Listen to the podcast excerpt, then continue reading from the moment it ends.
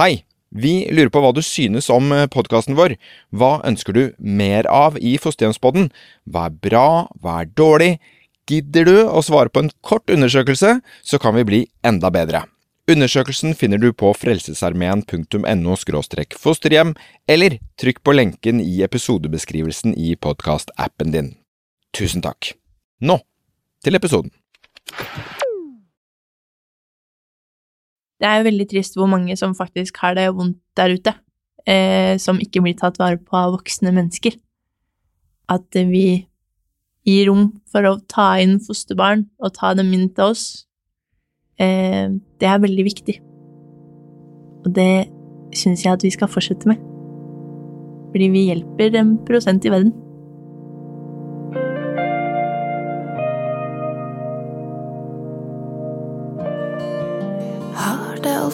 Sånn. Ble jeg født ensom?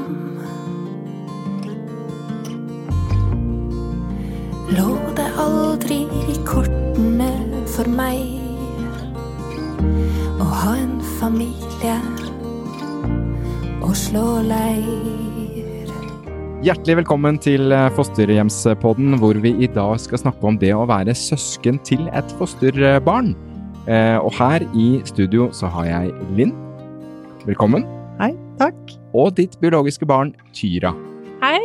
Velkommen. Takk. Tyra, du, du har vært i uh, et fosterhjem flere ganger. Kan du ikke fortelle litt hvordan det startet for deg å være et ja, hva skal du kalle det, søsken til et fosterbarn? Jo, eh, først så var vi jo eh, Beredskapshjem? Ja, vi var beredskapshjem, eh, som vil si at vi tar inn et eh, barn på en viss periode, at ikke det skal bo permanent hos oss, eh, som vi starta med, og det eh, var kanskje ikke så lett for oss, og da bestemte vi oss da for å ha noen som var hos oss permanente. For å starte da litt mm. med det fosterberedskapshjemmet. Mm. Eh, hva var det som gjorde det utfordrende for deg, da, spesielt? Eh, nei, for meg så var det jo eh, Vi fikk en gutt som var eldre enn meg, og da så jeg automatisk opp til han som en storebrorfigur. Og eh, han var kanskje ikke den rette eh, storebrorfiguren, for han drev eh, ganske mye med selvskading på armene. Han stakk av. han prøvde å kaste stein på mamma. Og det er liksom Det er jo ikke noe man skal se opp til. Og han stakk jo som sagt av, og det var da vi bestemte oss liksom for at da skulle vi på en måte ha en fast hos oss. Og jeg ønska veldig gjerne å ha kommet ønske eh, om å få en som var yngre, eh, som jeg da kunne være et godt forbilde til. Var det da litt sånn skal vi egentlig gjøre dette her videre, når det var din første erfaring, eller? Eh, ja, jeg var litt sånn er det det her liksom sier ja til. Eh, at noen skal komme inn og bo hos oss, og så behandle oss på den måten. For at vi vil jo bare det beste for dem. Men han som bodde hos oss, han skjønte ikke det. Eh, han trodde at vi bare ville han vondt. Eh, og det gjorde jo vondt for oss å se, og det ble en veldig vond opplevelse. For jeg, som sagt, ville jo se opp til han som en storebror.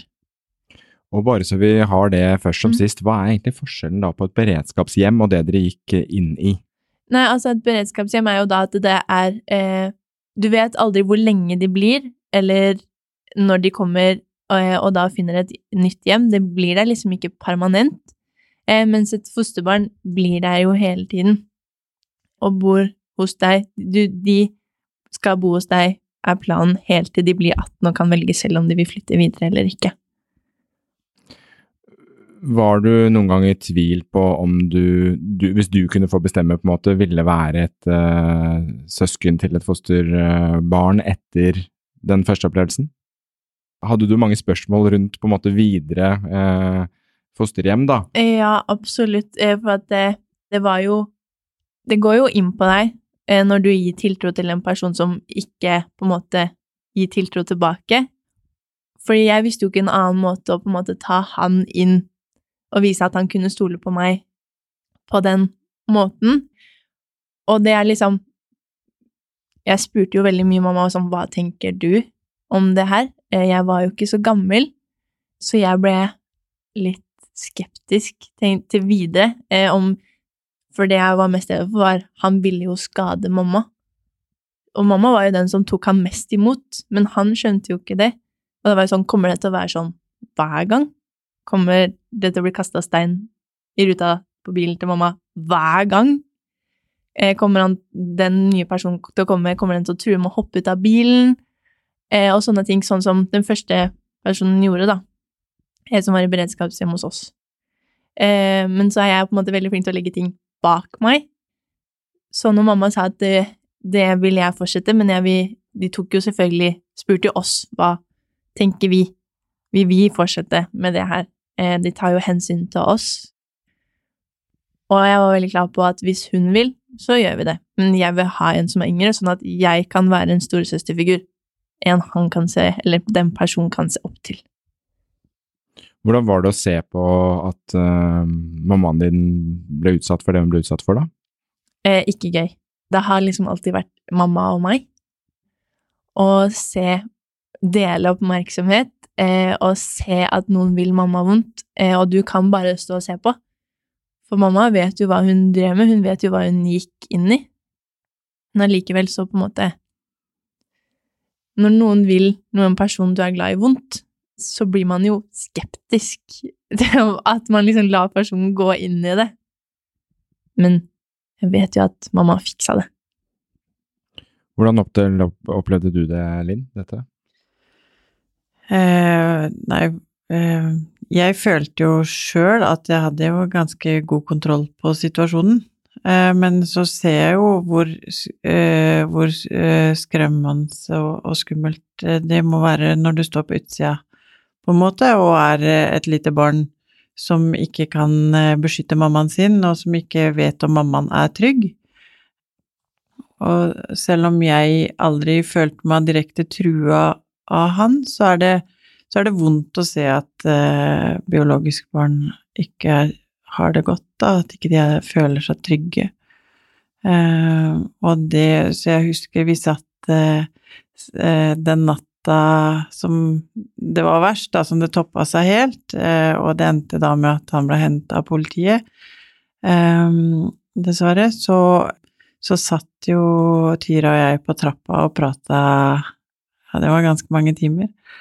For å vite om vi Er det her noe vi tør å gå videre med? Er det noe Og hadde for eksempel Tyra satt seg helt på bakbeina, eller noen av de andre biologiske barna, så hadde vi ikke gått videre. Det hadde ikke vært ålreit å gjort. Og hvordan foregikk den samtalen, Tyra? Hvor var dere helt åpne og ærlige og Ja, altså det har alltid vært Når man snakker om å få et fosterbarn eh, eller være beredskapshjem, eh, så har vi alltid snakka om ærlig til hverandre. Om man syns ting er skremmende, så må man si ifra. Man må aldri føle at det er sladring om eh, ditt fostersøsken gjør noe som det ikke skal. Så må man aldri føle at det er noe sladring på noen måte, fordi at det er veldig viktig å være åpne med foreldrene dine om ting, fordi at det, vil bare skade deg selv om du ikke er det.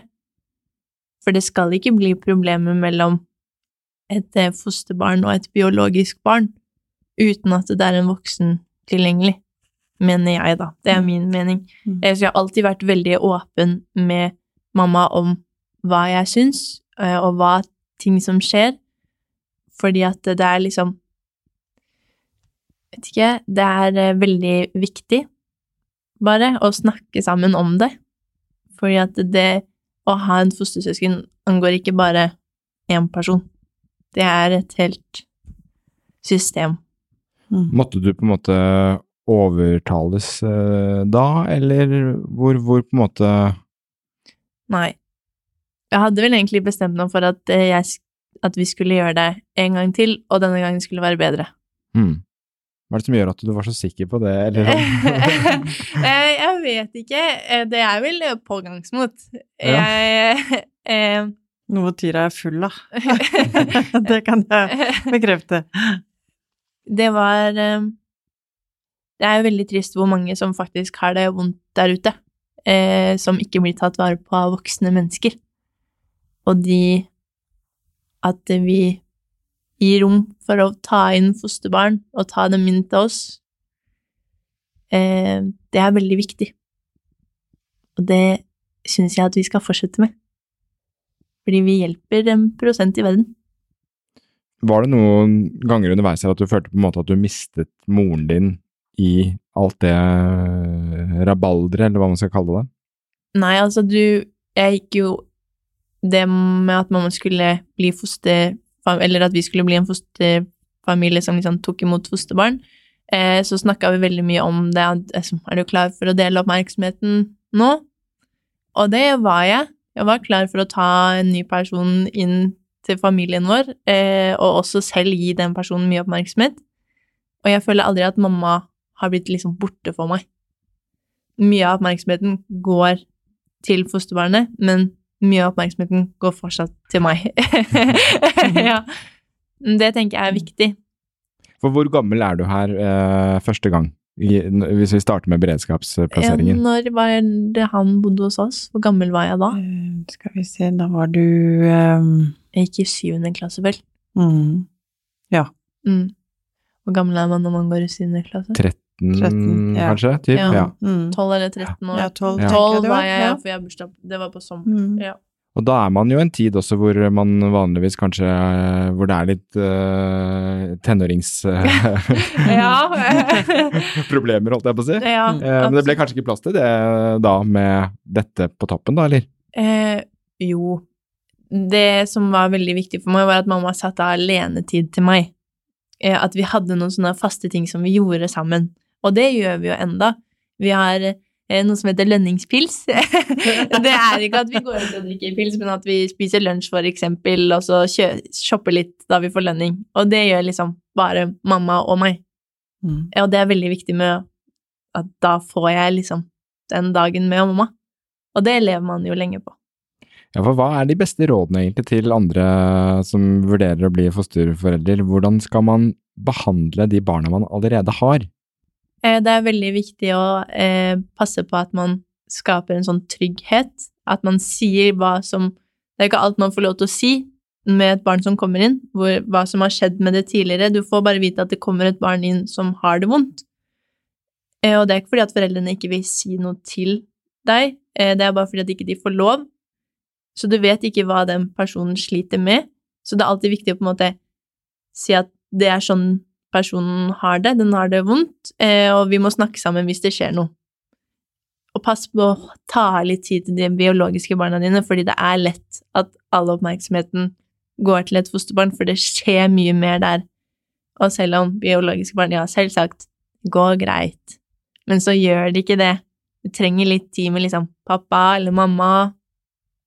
Så det er liksom viktig å sette av litt tid til biologiske barna sine, egen tid, og det er også veldig viktig å ta og snakke trygt om det. Være åpen om det, om hva som skjer.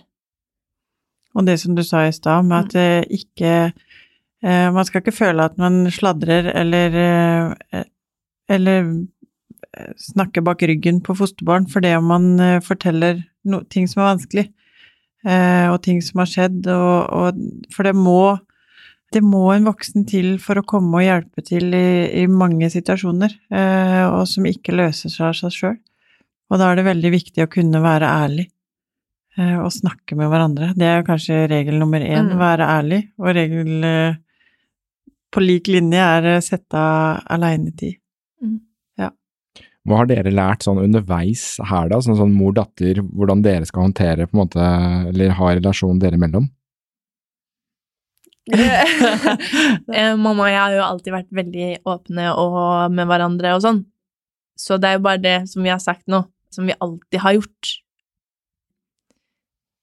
Og som man kanskje bare måtte satt litt mer i system, på en måte. Mm. Mm. Eh, fordi det er noen som krever mye, eh, som kommer inn. Og det å tørre å si at eh, vet du, nå syns jeg Nå fortjener jeg litt tid. Eh, nå er det jeg som trenger det. Og det klarte Tyra her, altså du klarer å liksom si det. Ja. Ja, og det hender du må si det, for det er jo ikke alltid jeg klarer å se det uh, uten at hun sier det. Mm. Um, og det, det er kjempeviktig. For det er kanskje ikke gitt at alle klarer å ta den på en måte, kall det fortjente plassen, da. At man tenker sånn, nå har det kommet et eh, fosterbarn i familien. Det er viktigere at det barn, altså man, at man setter seg litt i en sånn Mm. derre, nå skal jeg være litt i bakgrunnen. Men her klarte, klarer du på en måte å si at husk at jeg også eh, trenger deg. Ja, Mm. eh, det har jeg alltid sagt hvis jeg trenger eh, mamma. Og det var jo også sånn når hun fikk seg kjæreste, at jeg også sa til mamma at jeg trenger deg nå, Mm. aleine.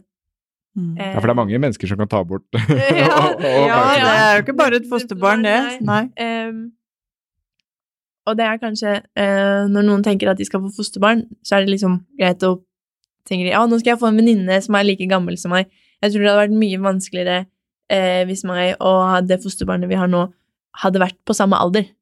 Det hadde vært mye vanskeligere, fordi da hadde vi vært mye mer i sånn samme system, sånn skolemessig, eh, med klær og ja, typ sånne ting. Så jeg kunne aldri tenke meg å ha en som var like gammel som meg. Ja, hvorfor er det viktig, da? Eh, fordi, ja, som sagt, det blir jo sånn på samme stadie med alt. Eh, du må liksom blir mye mer deling. Jeg vet- Eller jeg ser det for meg, jeg har aldri opplevd det. Men jeg ser det for meg at det er på en måte mye mer deling av eh, dramaer som skjer og sånn. Jeg fikk liksom tenårene før han gjorde det. Eh, selv om han føler han er mye mer tenåring enn det jeg er. Det vet jeg ikke, men det hadde vært mye verre hvis vi hadde fått den samtidig, Mm. føler jeg. Det kunne blitt litt mer sånn gnissing og sånn. Og da har du også på en måte fått eh, oppmerksomhet rundt tenårene og de Ja. problemene man typisk har da Mm. alene også. Ja. Ja. Og en annen bonus som kommer med det, da, det er jo at eh, fosterbarnet får jo noen gode rollemodeller å se opp til Mm. eh, også. ja. Eh, og det har jo vært kjempeviktig. Ja, for her har du da, eh, Tyra, gått fra å være eh, lillesøster da, til et, eh, til et fosterbarn i beredskapshjem, til å bli storesøster. Ja. ja. Og det var også viktig for deg, det var noe du snakket med, Ja. med Linn om også, at eh, nå ville du ha nå ville du på en måte være den som eh, er litt mer eh, sjef, eller hva man skal kalle det, Ja. men at du er litt mer in charge. Det, det var jo ikke mest for å være sjef, men det var for å være Jeg skulle ikke være sånn som han som var i beredskapsvar. Jeg skulle eh, vise hvordan man gjorde det. Mm. Ikke for å være cocky, men det var liksom Jeg ville være den som Jeg visste jeg har ikke noe med rus, jeg har ikke noe med selvskading. Det er jeg Du går på jobb, jeg går på skolen, alt. Jeg ville at det skulle være en rollemodell for han. Og jeg gjør ikke bare bra ting, jeg heller, men jeg ville at han skulle se det, da. Mm. ja.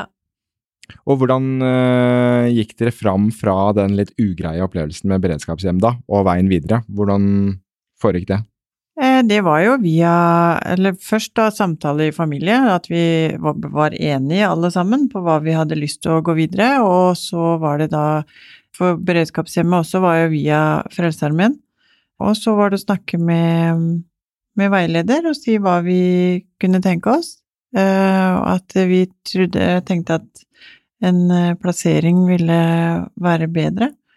I tillegg til at vi kom med noen kriterier som vi tenkte også ville passe best inn i familien, blant annet eh, en som var yngre, da. Mm. Eh, En eller ei. Eh, Det spilte jo ingen rolle for oss om det var gutt eller jente, men alder var vel kanskje det viktigste. Og så ja, og så gikk prosessen derfra med øh, hvem Frelsesarmeen kunne tenke matcha med, med vår familie, da. Uh, og det er de veldig gode på, å matche. Eh, så det er eh, Så gikk det egentlig bare sin gang, sånn. Ble det da en liten pause mellom disse to? Eh, ja, det blei en liten pause. ja, vi venta jo ganske lenge. Ja. Eller Eh. ikke lenge og lenge.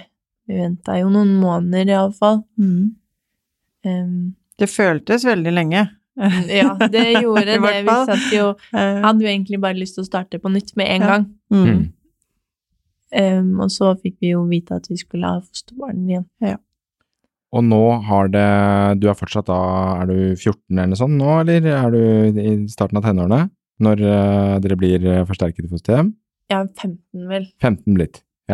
Eller 13 var det faktisk. Ja. Ja, fortsatt 13. Ja, fortsatt 13. ja, ja, fortsatt 13. Det har ikke Ja. gått ut- det har ikke gått ut så, så Så det gikk bare noen måneder fra, fra beredskapshjemmet til eh, plassering i fosterhjem. Mm. Mm. Og så får dere jo da eh, et nytt fosterbarn som skal være der over en lengre periode, er planen nå enn sist. Og, og hvordan foregår den?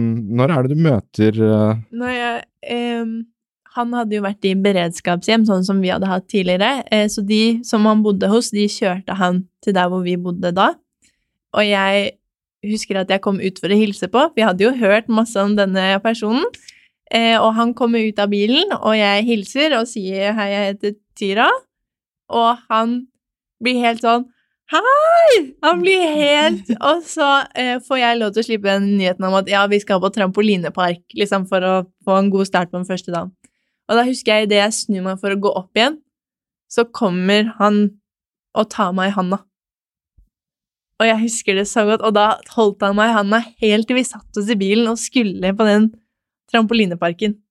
Og da visste jeg liksom ok, han stoler på meg allerede. Og det var veldig godt, fordi at det, det var på en måte det jeg mangla med det beredskapen, at han aldri stolte på meg, følte jeg. Jeg fikk aldri noe av det jeg ga. Men det gjorde jeg jo nå, og da tenkte jeg nå er jeg storesøster. Mm. fra første stund? Ja. Han tok meg rett i handa og ja, ja. Hvordan er det å tenke tilbake på den dagen der, da? Nei, altså, det er jo Vet ikke. Det er jo veldig koselig. Eh, jeg ønska jo å gå inn i den rollen med en gang, som en storesøster. Eh, og det var Det har jo ikke alltid vært like lett. Men akkurat da så føltes det ut som at ja, nå har vi gjort noe riktig. Det var en god start. Det var en Mm. veldig god start. Absolutt. Og for å fortelle litt om han, da. Eh, hvor gammel eh, Hva kom han fra? Ja, han, eh, han var ni år da han flytta til oss. Eh, hadde bodd i beredskapshjem eh, i nesten halvannet år. Og, det var egentlig en ganske lang prosess. De tenkte i utgangspunktet at eh, han ikke skulle til et fosterhjem med flere barn. Men vi fikk nå overtalt de til slutt, for vi ville gjerne ha han hjem til oss.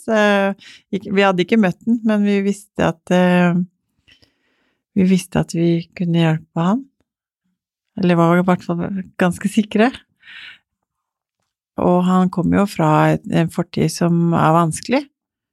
Mye bagasje der. Eh, Så det har jo vært en del utfordringer. Langs eh, Det har vært en humpete vei, men det er jo gått rette veien. Absolutt. Mm. Hvilke, hvilken familie Bare for å ta det også, hva, hvor, hvor mange er det i familien da når han kommer, holdt jeg på å si?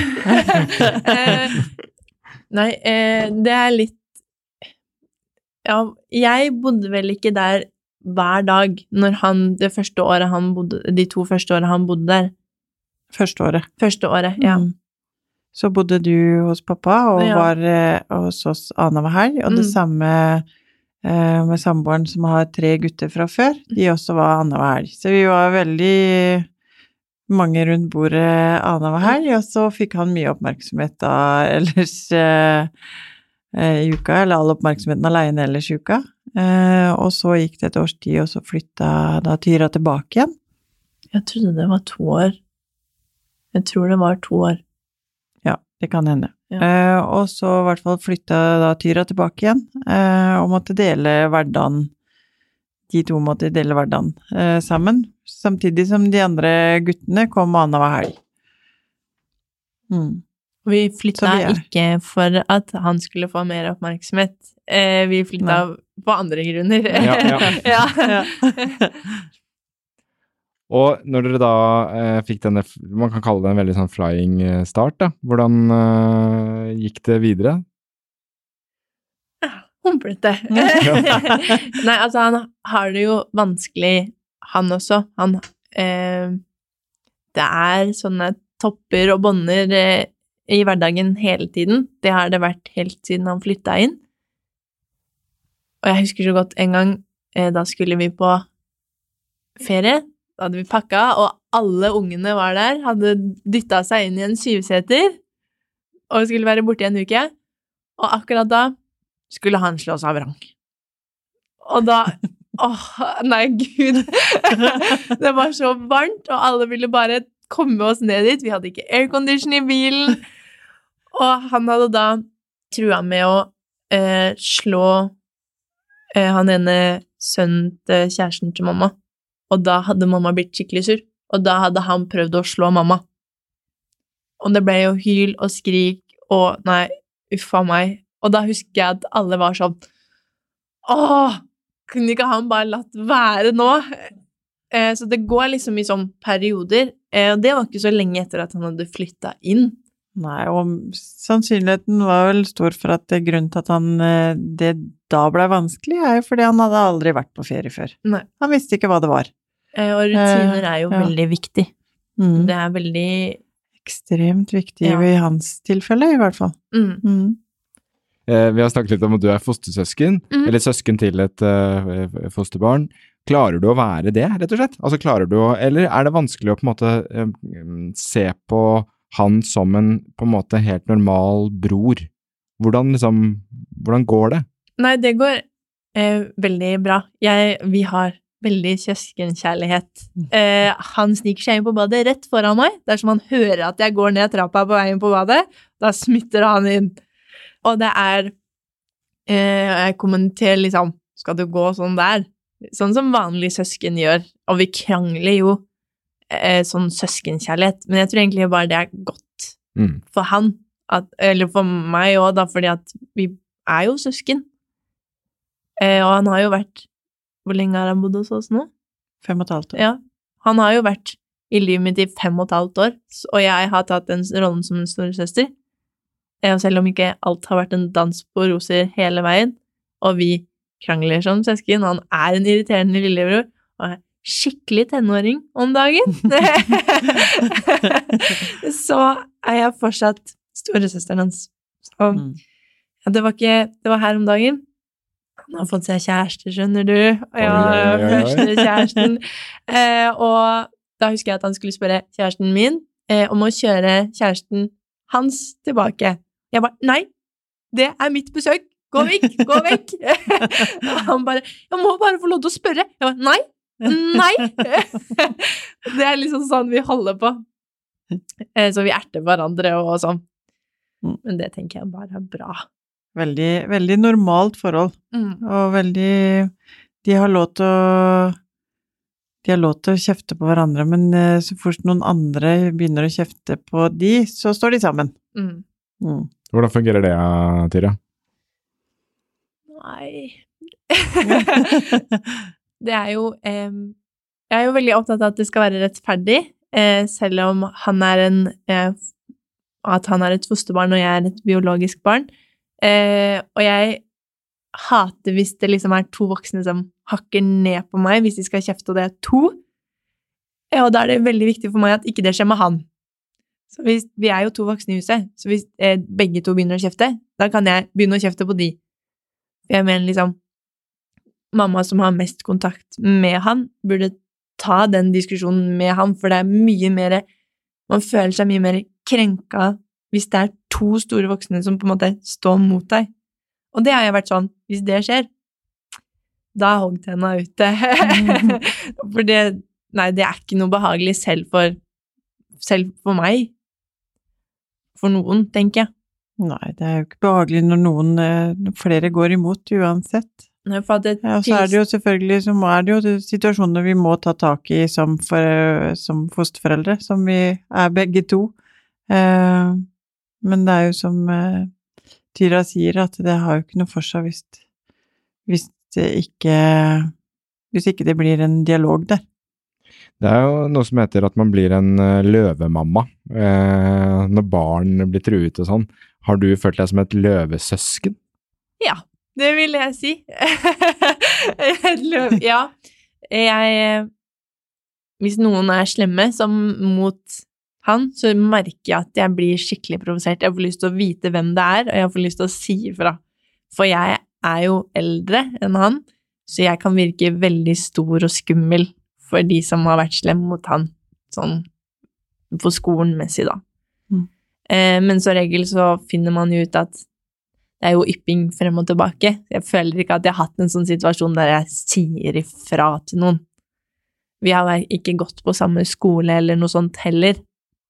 Så jeg har liksom ikke vakta over han. For det har jo skolen sin jobb vært å gjøre. Men du har nå fulgt han fra han var ni til han da nå, hvis jeg regner riktig, er 14-15 da, eller? Mm. Ja. Mm. Hvordan er det å ha fulgt uh, hele den derre uh... Altså, det er ganske sprøtt å se bildet av han når han først kom. Eh, For han hadde et veldig stort vektproblem når han kom til oss. Og nå har han jo blitt den kjekke gutten. Altså, det er jo det hoppet. Og ja, man ser jo at han stråler. Eh, og han er på skolen, selv om han ikke vil alltid. Eh, og han har eh, begynt å jobbe eh, som Han har vel jobba på sånn arbeidsuke på SFO. Det er sånne ting som varmer hjertet mitt eh, å se. Eh, fordi at jeg kunne aldri tenke meg han som kom til oss, kunne verken se eller gjøre noe sånn. Å være i stand til noe sånn. Så han har virkelig vokst. Er det andre ting som har vært fint å følge i hans utvikling? At uh, han er en normal tenåring. At han ikke stikker av, går på gata og driver med rus. Selv om det kan jo skje. Han er jo åpen for det, og det er jo det som er skummelt. Man tenker liksom ikke på hvor han er hen nå, og det er kanskje litt dumt. Man tenker bare på det vonde som kan skje senere, eller det han er på vei inn i. Eh, Men det er absolutt viktig å se. Det er kanskje jeg ikke så veldig god på, å se hvor han flink han og god han er nå. For det Jeg tenker bare hva kan skje fremover som er vondt. Mm. Fordi at jeg er redd det skal skje noe. Når jeg hører at han har prøvd å prøvd piller og sånne ting, da merker jeg at jeg blir, jeg blir sur. Jeg blir ordentlig sur, men det er fordi at jeg er redd. Mm. jeg er redd at han skal bare ikke kaste bort alt det han har jobba for de åra her, men han ser ikke selv at han har jobba så hardt de siste åra. Som vi kanskje ser. Mm. Og er det samtaler du kan ta med han? Nei. Det går ikke. Eh, han vil ikke skjønne det. det er, man kan prøve altså, Målet hans nå, det er å være gangster. Sånn som de store rapperne, og ruse seg og være millionær, holdt jeg på å si, på å gå i sånne tracksuiter med Playboy på, herregud. det var storesøsteren som snakka, altså. Det var eh, og, og da, for å si en som er eldre enn han, at hold beina på bakken, det går ikke. Det er vel litt som mamma og tenåringsbarn og det, på en måte. Det er vanskelig å Jeg har jo hørt det før. ja. Men hvordan er, føler du likevel at du um, På hvilken måte merker du at du er viktig for han? Har du fått noen sånne tilbakemeldinger, eller lest noen situasjoner hvor du tenker at liksom, min rolle for han er faktisk viktig? Jeg vet ikke. Vi, tenkt vi på det. ser jo det, vi Ja. som står på utsida Mm. uh, av det forholdet. Uh, vi ser jo veldig hvor, hvor mye hun betyr for han. Og, han. og selv om han tar kanskje, eller ikke kanskje, men selv om han tar andre valg enn det Tyra gjør, og tar noen valg som ikke er alltid like gode, så vet vi at han hadde tatt kanskje enda verre valg, eller eh, flere dårlige valg, om ikke Tyra hadde gått foran som et godt eksempel, da. Um, han ser veldig opp til henne. Mm. Hyggelig å høre det, Tyra. Ja, veldig. Ja. Jeg vil jo ikke at han skal Jeg vil jo han skal gjøre det han vil, men jeg vil at han skal gjøre det på en god måte. Ikke på en måte møte veggen før han har prøvd det han faktisk vil. Mm. For det er veldig lett for han å på en måte velge det letteste. For at det jeg tenker at det er sånn jeg skal være. Ja, og det er jo litt sånn eh, tradisjon i gåsetegn eh, i familien, at eh, alle skal jo innom fengsel og eh, litt sånn, så det var jo det som var målet hans eh, tidligere. Det var å komme i fengsel. Altså Eh, som innsatt. ja Og det har jo da snudd, eh, snudd mye, og nå vil han egentlig bli barne- og ungdomsarbeider Mm. eh, istedenfor. For å hjelpe andre som også er i vanskelig situasjon. Det var litt av en Det er transformasjon. ganske Ja. Det er ganske snuoperasjon der. Hva skjedde der, da? Og hvorfor ville han i fengsel i utgangspunktet? Eh, det var det at jeg er eh, litt forventa i forhold til um, Eller han tro, trodde det var forventa, fordi eh, generasjoner eh, i hans biologiske familie har jo gjort det samme. Så han hadde egentlig ikke noen ambisjoner om noe annet. Og jeg tror vel det at han skjønner at han kan være til nytte for noen, og at han kan hjelpe noen. Eh, og det ser han sjøl nå, eh, og det, det er vel det som har fått det til å snu. Det er jo veldig bra. Og jeg lurer også på hva, hva tenkte dere når dere først ikke sant, Dere har hatt en dårlig opplevelse med beredskapshjem i starten. Um, eller i hvert fall Tyra har følt mye på det, da. Og eh, så henter dere, eller så kommer et barn fra oss som også har vært mye i beredskapshjem. Mm. Hva tenkte dere om at dere på en måte henter uh, kanskje noe som kan være likt? Ha de like utfordringene? Ja, med de opp- og nedturene så føler jeg jo at det er likt. Ja, og, eh, men i forhold til Altså, ja, mange av de samme utfordringene, men eh, de utfordringene føles ikke så store med en niåring som en 16-åring. Mm.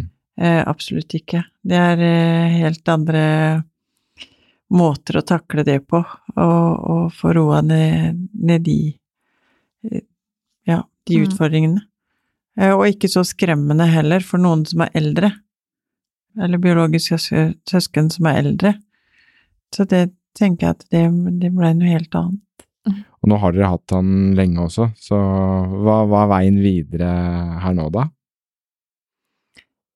Det er jo å fortsette å ja, fortsette å være det hjemmet vi er for han, og, og forhåpentligvis så blir han jo boende etter han er 18.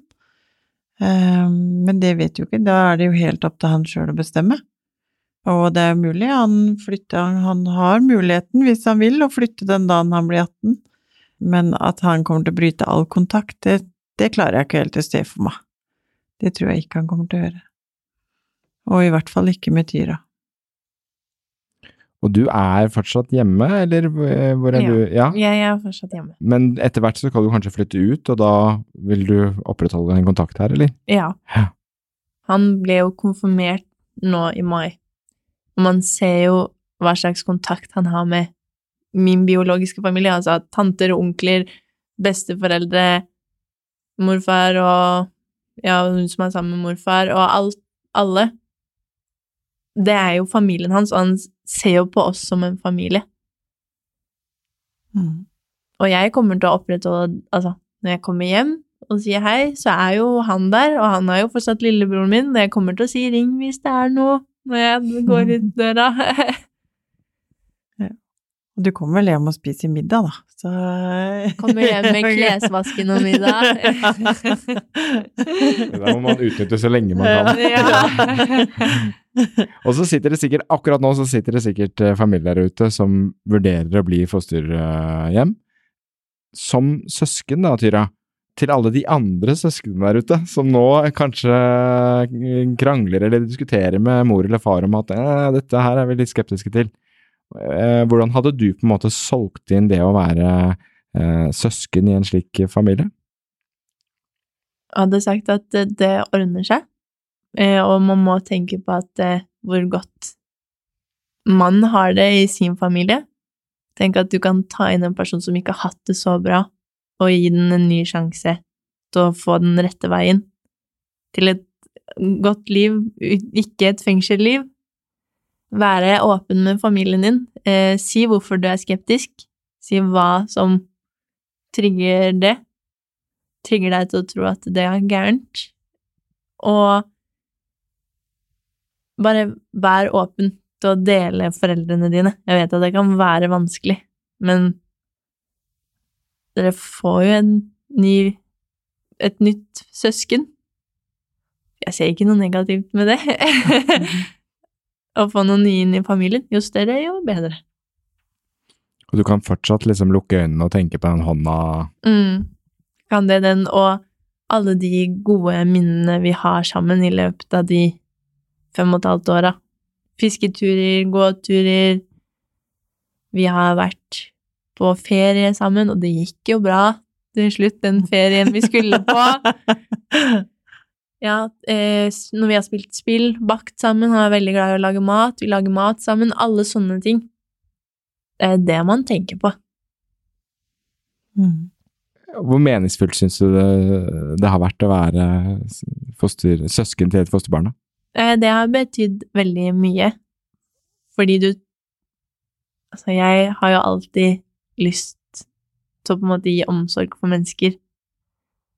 Å vite at vi på en måte har tatt inn noen som har hatt det vondt, det varmer jo hjertet mitt. Jeg tenker jo at også det har lært oss veldig mye om hvordan vi skal behandle andre mennesker, og hvordan Et annet perspektiv, da. For det er ikke alle som har det like bra. Og du er kanskje kjempesur på mammaen din fordi at ikke du får den buksa. Og så er det noen som blir slått med den buksa. Liksom. Mm, Ja. Så det har betydd veldig mye på et synspunkt på hvordan andre også har det. Så du har rett og slett blitt et bedre menneske selv, kanskje? Det kan hende. Om mulig. Da. Ja. Jeg har iallfall eh, sett eh, hvordan andre også kan ha det. Man tenker jo ikke det når man sitter hjemme. Man blir trangsynt. Tusen takk skal dere ha for at dere stilte opp i Fosterhjemspodden. Tyra, Takk for at jeg fikk komme. bare hyggelig. Og tusen takk, Linn. Takk for at vi kom igjen. Og denne episoden med deg kan man også øh, finne i appen sin og høre på. ja.